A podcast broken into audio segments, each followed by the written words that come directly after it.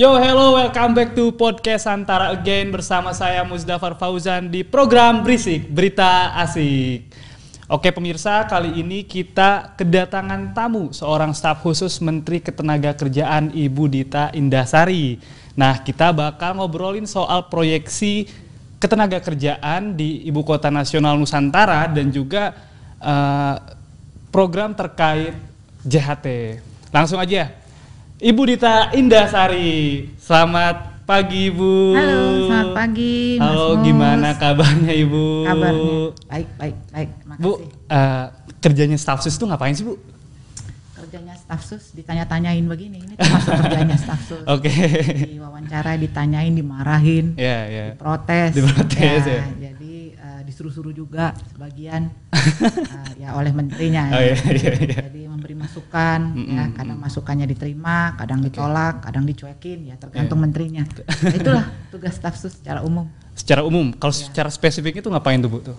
Secara spesifik eh, sebetulnya membackup eh, memberi me- menjadi eh, penyambung antara aspirasi atau harapan dan program menteri ke birokrasi. Oh, oke. Jadi eh, birokrasi ini kan luas, banyak eh, dan sangat eh, apa bertingkat-tingkat. Ya. Apa yang disampaikan menteri ke dirjen kadang-kadang eh, tidak selalu ditangkap sama oleh bawahannya. Iya, iya. Nah, itu tugas kita adalah memastikan bahwa kalau menteri punya perspektif A, ah, ke bawahnya seluruhnya ya perspektifnya A. Berarti eh, punya tugas untuk meluruskan semuanya Bu ya? Iya, termasuk aspirasi dari bawah ke atas. Oh, Jadi iya, ada iya. keluhan-keluhan ASN misalnya Mm-mm. mereka sungkan kalau Iya. menyampaikan ke atasannya, ya Mm-mm. kita bisa tampung, kita sampaikan ke menteri. Itu Oke. eh, aspirasi dari bawah, Bu. Mm-mm. Gitu. Bagaimana pan- pandangan Ibu? Gitu. Oke, Ibu.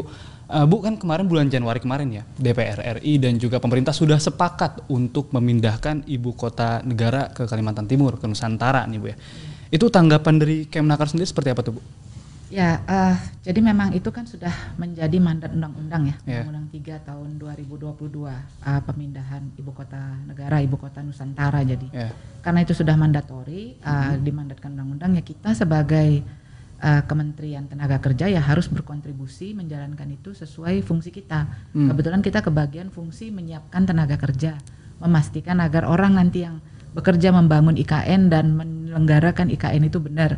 Ya itulah fungsi yang kita lakukan berdasarkan uh, uh, Undang-Undang 3 Iya. 2022. Jadi ya kita harus jalankan itu undang-undang yang sudah ditandatangani dan disepakati oleh DPR. Oke Bu, dari Kemnaker sendiri siap nggak Bu tuh? Eh, IKN tuh dipindahkan tuh Bu?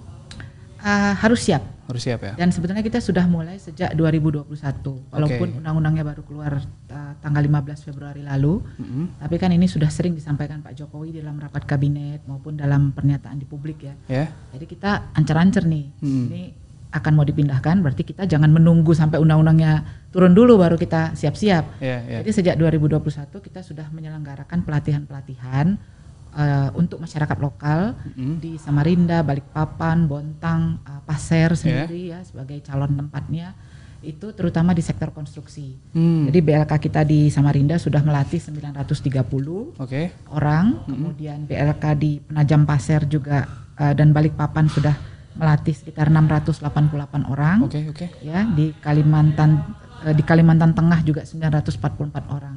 Oke. Kita latih untuk sektor konstruksi yang. Uh, proyeksinya kira-kira 15.000 ribu Oke.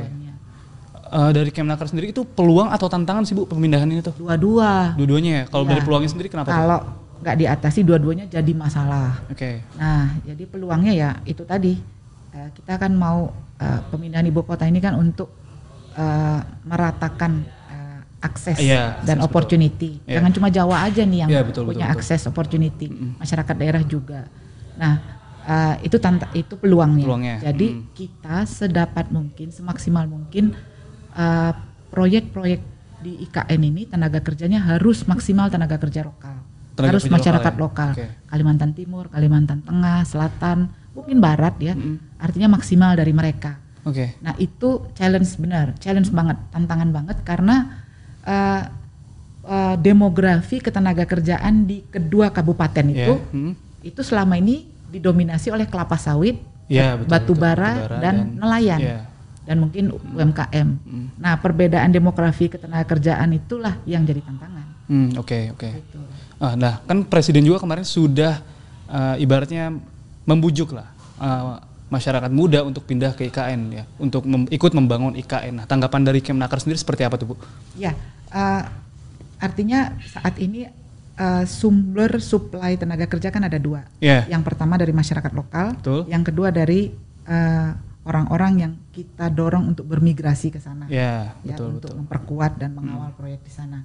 Nah, kita punya program namanya afirmasi kuota afirmasi masyarakat lokal. Oke. Jadi hmm.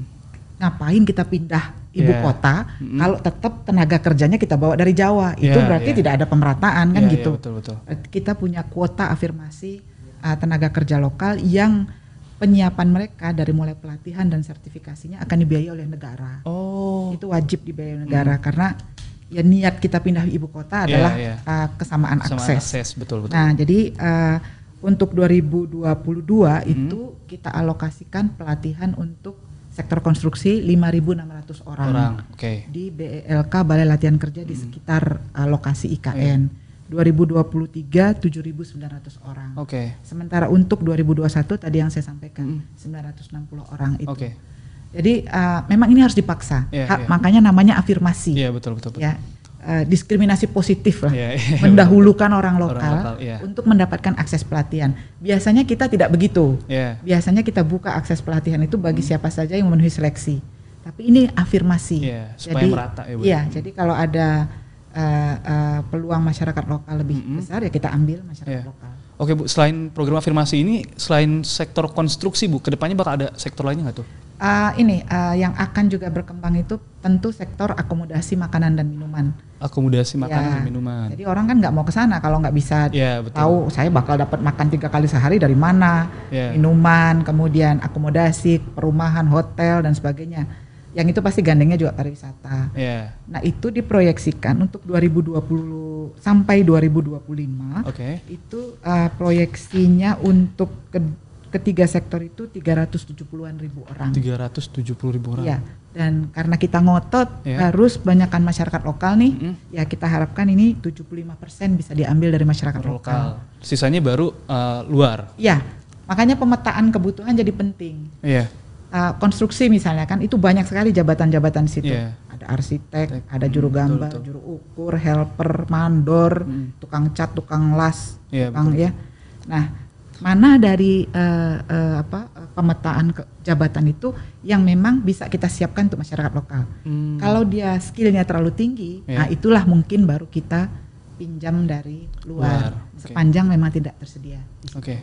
Eh, selain itu Bu, program-program atau rencana strategis apa yang sudah disiapkan oleh Kemnaker tuh Bu? Uh, rencana untuk terkait IKN Iya, ini terkait ya. IKN ini, betul. Jadi itu tadi uh, pertama uh, uh, juga kita me- berupaya me- selain kota afirmasi itu adalah bagaimana mendorong agar sektor-sektor pendukung itu juga muncul. Oke. Jadi begini, Hmm. uh, IKN ini kan di dua kabupaten, Kabupaten, betul. Penajam Pasir sama Kutai Timur. Kutai Timur. Eh, Kukar ya, Kuk- Kut- iya, iya. Kutai Kartanegara sorry. Hmm. Nah, terbesar memang di Penajam Pasir. Iya.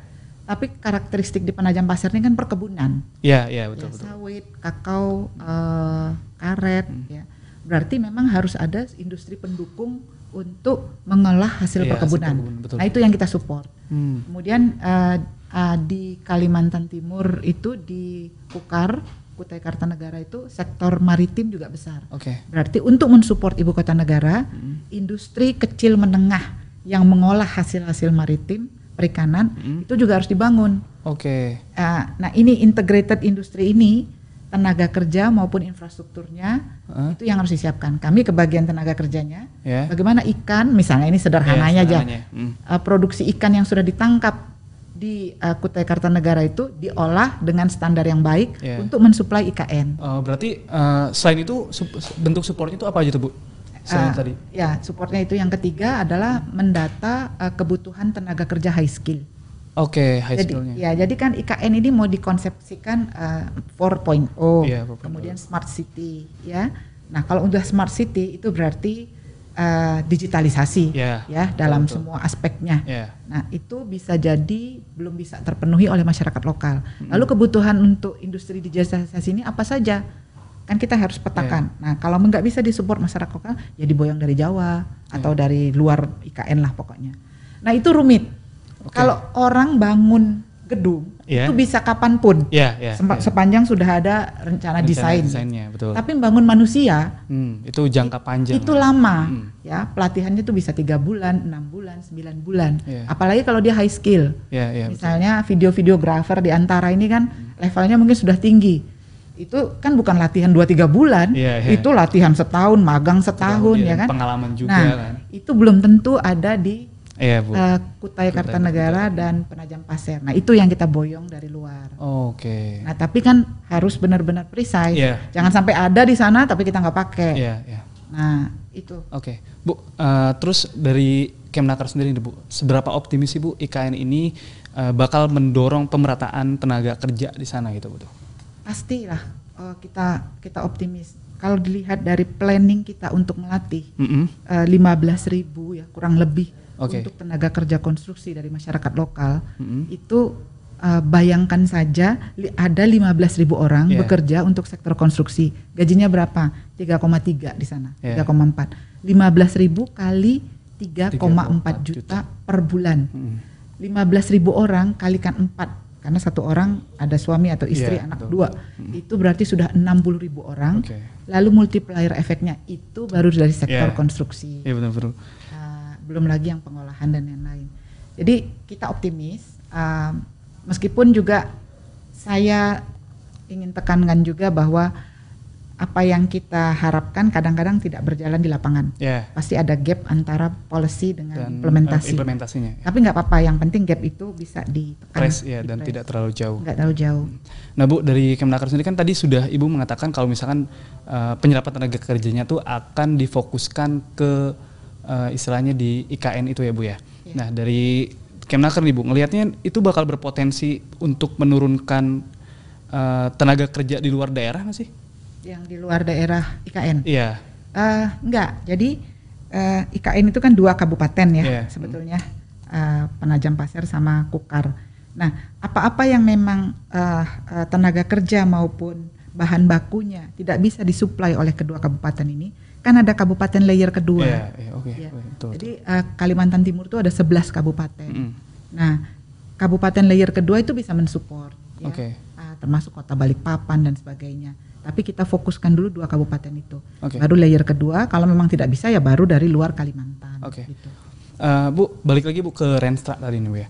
Eh, pasti kan yang namanya rencana strategis itu ada jangka panjang dan jangka pendek ya Bu ya. Nah dari Kemnaker sendiri sudah menyiapkan nggak untuk jangka pendeknya tuh Bu?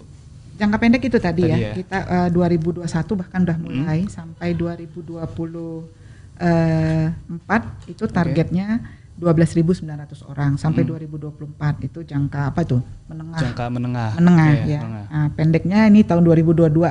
Oke. 5.600 orang kita latih. Nah, jangka panjangnya itu kalau saya baca planning dari Bapena Mm-mm. itu sampai 2045. 2045. Ya, sampai 2045 estimasi jumlah tenaga kerja yang dibutuhkan di IKN sampai 2045 eh, itu di IKN saja 800-an ribu. Oke. Kalau di seluruh Kalimantan Timur itu 3,4 sampai 5,4 juta. Oke, itu untuk dari Kemnaker sendiri sudah siap Bu tuh? Ya harus disiapin. Harus disiapin ya? Tapi kan kita nggak sendirian kan Iya, dibantu juga. Iya, betul. Dibantu swasta. Nanti swasta yang mau investasi di sana, kita wajibkan melatih juga. Iya. Eh kamu investasi di sini dalam bentuk apa pun, Mm-mm. sekalian sumber daya dilatih. Jangan cuma investasi untuk fisik aja, aja, untuk betul, manusia juga. Itu bisa membackup. Kalau cuma Kementerian Ketenagakerjaan sendiri nggak bisa, Oke. nggak bisa. Oke, oke Bu, benar. Eh, Bu, kan eh, ketenaga Kementerian Ketenagakerjaan itu istilahnya melindungi tenaga kerja ya Bu ya. Ya. Nah itu nanti ada program khusus nggak di IKN misalkan nih eh, Kemnaker bakal mengeluarkan kebijakan yang benar-benar melindungi eh, pekerja di IKN tuh ada nggak yang khususnya Bu? Pertama itu IKN itu isinya adalah ASN pertama ya. Iya ASN. Jadi akan terjadi kurang lebih migrasi kurang lebih satu juta orang ASN Di tahun berapa tuh? Hmm, dari 2022 berkelah, bertahap, Bertahap. berkloter 2022 itu ya mulainya itu Pak Jokowi dan seluruh uh, Hmm. staff, Staff, ya, ya. KSP termasuk Menko, Triumvirat, Dagri dan Hmm. sebagainya, Menhan pindah. Nanti kita ini kloter kedua kayaknya Kemnaker Oke. 2023 Oh. dan seluruh badan badan-badan ya Em, masuk BPJS pindah juga mereka Oh, iya iya. harus karena di undang-undang BPJS berkedudukan di ibu, Ibu kota. Termasuk antara pindah juga kali ya Iya kayaknya Bu. Nah, pindah juga nah kan harus pindah Iya. Nah, mungkin kantor pusat BUMN beberapa pindah juga Iya. karena Kementerian BUMN pindah, kan Pindah, iya, betul. nah itu totalnya satu juta jadi kalau ASN kan kita nggak usah siapkan Hmm. karena kan ya sudah tahu pekerjaannya Iya. Nah, fungsi pendukung itulah setelah gedung berdiri, fisik ada, mm, ah, akomodasi jalan Ya. ada, ASN datang, mm-mm. Kemudian gas saluran air gas semua instalasi terbangun, Ya. tinggal bagaimana kemudian fungsi pendukung, Oke. asum, sarana kesehatan, Ya. harus ada rumah sakit, Mm. sarana ibadah, ah, sarana pendidikan, sekolah, anak-anak Ya. ntar sekolah di mana. Iya iya. Nah itu jadi eh, semuanya pendukung itu serta industri kecil yang membackup. Hmm, oke. Berarti sudah terkoordinasi lah Bu ya. Ya terkoordinasi banget sih belum, Oke. karena kan juga undang-undangnya baru keluar ya. Iya. mm. Tapi setiap kementerian sudah punya planning masing-masing. Oke. Tinggal bagaimana planning ini nggak nabrak Iya iya. gitu. Jadi eh, KKP pasti punya planning untuk pemberdayaan maritim di sana. Ah, jangan nabrak juga dengan Kemnaker. Harus Iya. oh ya kamu bagian situ, kami bagian yang non maritimnya. Iya. gitu. Oke Bu, kita loncat nih Bu ke masalah JHT Bu, jaminan hari tua. Kan kemarin tuh eh, Ibu Menteri mengeluarkan kebijakan kalau misalnya JHT itu diundur pengambilannya di umur 56 tahun. Itu ceritanya seperti apa tuh Bu? Ya ini inilah yang saya bilang tadi salah satu tugasnya staf khusus di Staf khusus, marahin iya. Harus ditanya-tanyain. ya nggak apa-apa. Ah, jadi kenapa itu dikeluarkan? Ya pertama karena menjalankan amanat undang-undang. Iya. Pokoknya pemerintah ini se- sebelum mau bikin apa-apa tuh Pasti riset dulu bukannya kan? undang-undang Iya, dulu. Boleh nggak? Disuruh nggak? Iya. Ah, yang penting nggak nggak boleh melakukan yang melanggar Mm-mm. dan uh, kalau yang disuruh harus dilakukan. Kita buka ternyata memang di Undang-Undang SJSN dan PP di bawahnya PP 46 itu disampaikan bahwa uh, jaminan hari tua adalah sejumlah uang tunai yang diperoleh pekerja saat memasuki usia pensiun. Oke, usia pensiun ya Bu ya? Cacat total dan meninggal tetap. Eh meninggal, sorry sorry, meninggal dan Meninggal cacat total, total, tetap. iya. Meninggal tetap. Nah itu bunyinya begitu. Lalu usianya berapa? 56 itu tercantum juga. Di undang-undang. Karena masuk usia pensiun ya. Iya. Eh, Berapa usia pensiun di PP 46 ditulis 56. Nah itulah yang kita jalankan. Iya. Secara yuridis, secara aturan, prosedur nggak ada yang salah. Ada yang salah. Saya iya. mau tekankan nggak ada yang salah Hmm. dalam kami mengeluarkan itu. Oke Bu. Uh, bahwa ada aspek lain di luar aspek yuridis prosedural, aspek hukum, ya. Hmm. Tapi di situ pemerintah tidak salah. Oke, Bu, eh, kan saya juga sudah membaca kan maksudnya eh, JHT itu seperti apa eh, program yang diambil sama Kemnaker ini dan Kemnaker kan sudah menyiapkan istilahnya program pengganti dari JHT ini kan Iya. yaitu jaminan kehilangan pekerjaan, nah Bu. Itu bisa dijelaskan mungkin Bu seperti apa tuh? Iya, jadi kita nggak akan berani menarik JHT kalau belum ada JKP. Ya, Jadi uh, alasnya ini mau ditarik, tapi dikasih alas baru gitu. Nah, JKP itu jaminan kehilangan pekerjaan itu adalah uh, bentuk so- baru jaminan sosial uh, uh, yang di, diamanatkan dalam Undang-Undang Ciker. Jadi orang-orang kan nolak Ciker, Ciker jahat, Iya. Ciker jahat, tapi di dalam Ciker itu ada JKP Iya, gitu. betul, betul. Dan itu unemployment benefit itu bagus ya, ya. orang ter-PHK bisa dapat itu. Nah, keluarkanlah JKP, eh, kemudian dihitung, dibuat persyaratannya, eh, setiap bulan bisa mendapatkan eh, uang tunai 45% dari gaji, eh, tiga bulan pertama, eh, dan lalu 25% tiga bulan kedua selama enam bulan. Oke, Uh, kita asumsikan enam bulan udah bisa dapat pekerjaan Hmm. gitu ya.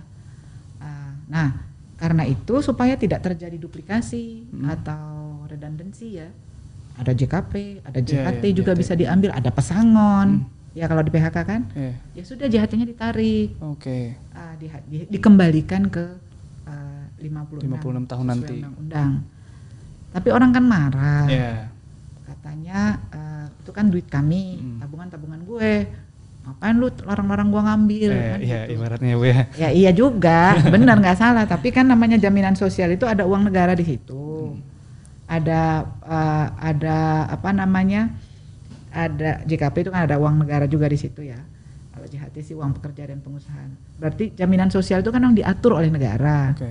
jadi kalau negara membuat aturan-aturan yang membatasi atau memberi peluang itu nggak salah Iya. nah cuma orang marah karena merasa itu tabungannya Iya, iya. jadi kita mau ambil kapan aja suka-suka kita gitu. Oke.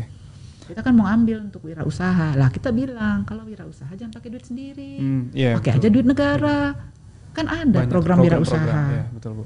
Banyak banget coba aja pindah ke, pergi ke Pemda DKI Hmm. banyak banget semua kementerian BUMN nih coba antara aja punya kan Iya. program wirausaha kan minimal ada. CSR Iya. dan sekarang kur itu cuma tiga persen Hmm, iya, bunganya betul, bunganya, iya. ah bukan enam persen lagi cuma tiga persen karena Oke. pemerintah subsidi jadi Oke. banyak skema-skema jangan pakai uang tabunganmu Iya, karena buat hari tua buat kan. hari tua kalau butuh eh, eh, apa wirausaha pakai aja yang ada dari kita gitu tapi masyarakat nggak mau Iya. teman-teman pekerja nggak mau pokoknya itu uang kami harus kami ambil ya udahlah gitu. Oke, eh, Bu, balik lagi nih Bu ke soal JKP nih ya. S- dari Kemnaker sendiri mandang JKP ini seberapa optimal sih Bu untuk istilahnya membantu para pekerja yang ter-PHK tuh Bu? Iya, eh, memang eh, JKP ini eh, ada persyaratan yang harus dipenuhi sebelum mereka bisa entitled untuk ambil JKP. Pertama memang mereka di PHK, Oke Bu, ya, bukan resign. oke. Eh, atau mereka putus kontrak tengah jalan, itu boleh. Tapi kalau habis kontrak Mm-mm. itu enggak. Misalnya Oh. nih, Mas Mus Iya. di kontrak 2 tahun, Mm. habis itu kontraknya habis, nggak diperpanjang, bisa dapat JKP? Enggak, Enggak, hmm. karena itu bukan PHK. PHK, iya. PHK itu insidental, Iya. tiba-tiba. Kalau itu kan kita udah tahu memang Iya. ya dua tahun lagi habis. Habis, gitu. iya, betul. Nah, atau dipotong tengah jalan, Iya. harusnya dua tahun tapi satu tahun setengah udah dipotong, Iya. ah, itu boleh. Nah persyaratan seperti itu memang harus dipenuhi. Hmm. Karena kalau yang resign, Iya. yang banyak yang marah tuh kan sama kita yang Iya, iya, resign. resign, resign, betul. Kami resign nggak bisa dapat JKP dong gitu. Ya nggak bisa karena resign itu memang ada pengusaha yang nakal, Iya. dia paksa, dia tekan pekerjanya jadi resign. Ada, Ada, benar, dibikin lah nggak betah. Ada, tapi banyak juga yang resign karena kepentingan pribadi, Pribadi, kan. Iya. Udah nggak betah, apalagi anak-anak milenial ini kan. Iya, iya, iya. Oh. Work life balance Nggak, bilangnya nggak Bu. asik dikit kan mau healing lah ya kan Nah, anak kita Oh, ya, aduh ya gue healing lah gue resign aja gitu Iya, kan iya, benar-benar, Bu. Ah, atau mau jaga ibu, mau jaga bapak, Mm-mm. atau mau jadi bapak rumah tangga, ibu rumah tangga kan, mau Iya. sekolah, Mm. mau sekolah S2 gitu kan, udah resign gitu. Jadi kalau karena apa dasar resign itu terlalu beragam dan banyak yang personal, Iya. Maka nggak bisa dia menjadi sebab untuk mengakses jaminan sosial. Iya, betul. Kalau enggak nanti orang resign aja, Iya, iya, dikit-dikit ah, nggak sebel ya, Iya, sebel sama ini sama ah, kantornya. ah, nggak bestie gitu. Nggak bestie. Aku juga baru tahu ada istilah itu. Oke. Bos gua nggak bestie udah hi- resign, Resign lah. aja lah gitu. Ya kan ada JKP ini gitu. Hmm. Jadi moral hazard kan. Iya, iya, benar-benar. Ya udah, yang resign nggak usah. Hmm. Gitu. Toh nah, terus marah lah kalau kalau kami dipaksa pengusaha gimana? Pengusaha kan banyak yang nakal juga, Iya. emang banyak yang nakal. Dibikin nggak betah. Iya, oke, tapi itu ranahnya adalah konflik hubungan industrial di Oke. perusahaan itu kita Iya. selesaikan. Oke, Ah, oke. bukan kemudian eh, eh, apa ki- menyamakan Oke. karena itu kan jadi kasuistik Kasus- ya Iya, benar-benar. lalu harus disamakan dengan yang benar-benar ter PHK nggak menduga ya Iya. tiba-tiba disodorin surat kamu udah besok nggak usah masuk lagi, masuk lagi. ya nggak siap Kaget, kan iya. nah itu Baru ditolong lah. ya. ditolong karena dia nggak siap Oke, Bu tadi kan Ibu juga sempat menyebutkan ada yang namanya harmonisasi pelindung pekerja ya Bu ya nanti yang bakal disiapkan oleh uh, Kemnaker itu seperti apa sih Bu? iya jadi kan ada eh, setelah JKP keluar Mm-mm. kan berarti kita punya enam tuh Oke. jaminan sosial jaminan kesehatan tuh BPJS kesehatan kematian kecelakaan kerja hari tua eh sampai lupa saya JKP kehilangan pekerjaan sama pensiun, Pensiun, iya. nah ada enam Hmm. ini kan harus diharmonisasikan jangan sampai numpuk manfaatnya Ya. Eh, diharmonisasikan bukan hanya bagi pekerja kita dalam negeri tapi juga luar negeri Ya. Ah, itu harus diharmonisasikan ter- termasuk bagi TKA asing Hmm. yang masuk ke sini wajib loh BPJS Iya, iya, iya. Ah, jadi diharmonisasikan supaya nggak tumpang tindih. Nah, salah satu produk harmonisasi itu adalah JHT di Oh, diundur. Ditem- di- ditempatkan di 56 karena sudah ada JKP yang mengisi. Oke bu, oke wow wow wow keren keren bu. Nah, cuma kan uh, masyarakat marah, Ya. para pekerja marah ya udahlah kata Pak Jokowi balikin aja lah ke yang awal-awal dulu. Ya. Ya udah. Wow, oke pemirsa, sobat Antara, nih kita tadi sudah ngobrol soal proyeksi eh, ibu kota negara serapan tenaga kerja seperti apa dan juga alasan Kemenaker memundurkan JHT kemarin. Nah, eh, terima kasih Ibu Dita atas waktunya Bu. Sama. Sobat Antara, jangan lupa nonton terus podcast Antara yang bakal di-share di YouTube Antara, Antara News dan Spotify Antara. See you later dan bye-bye.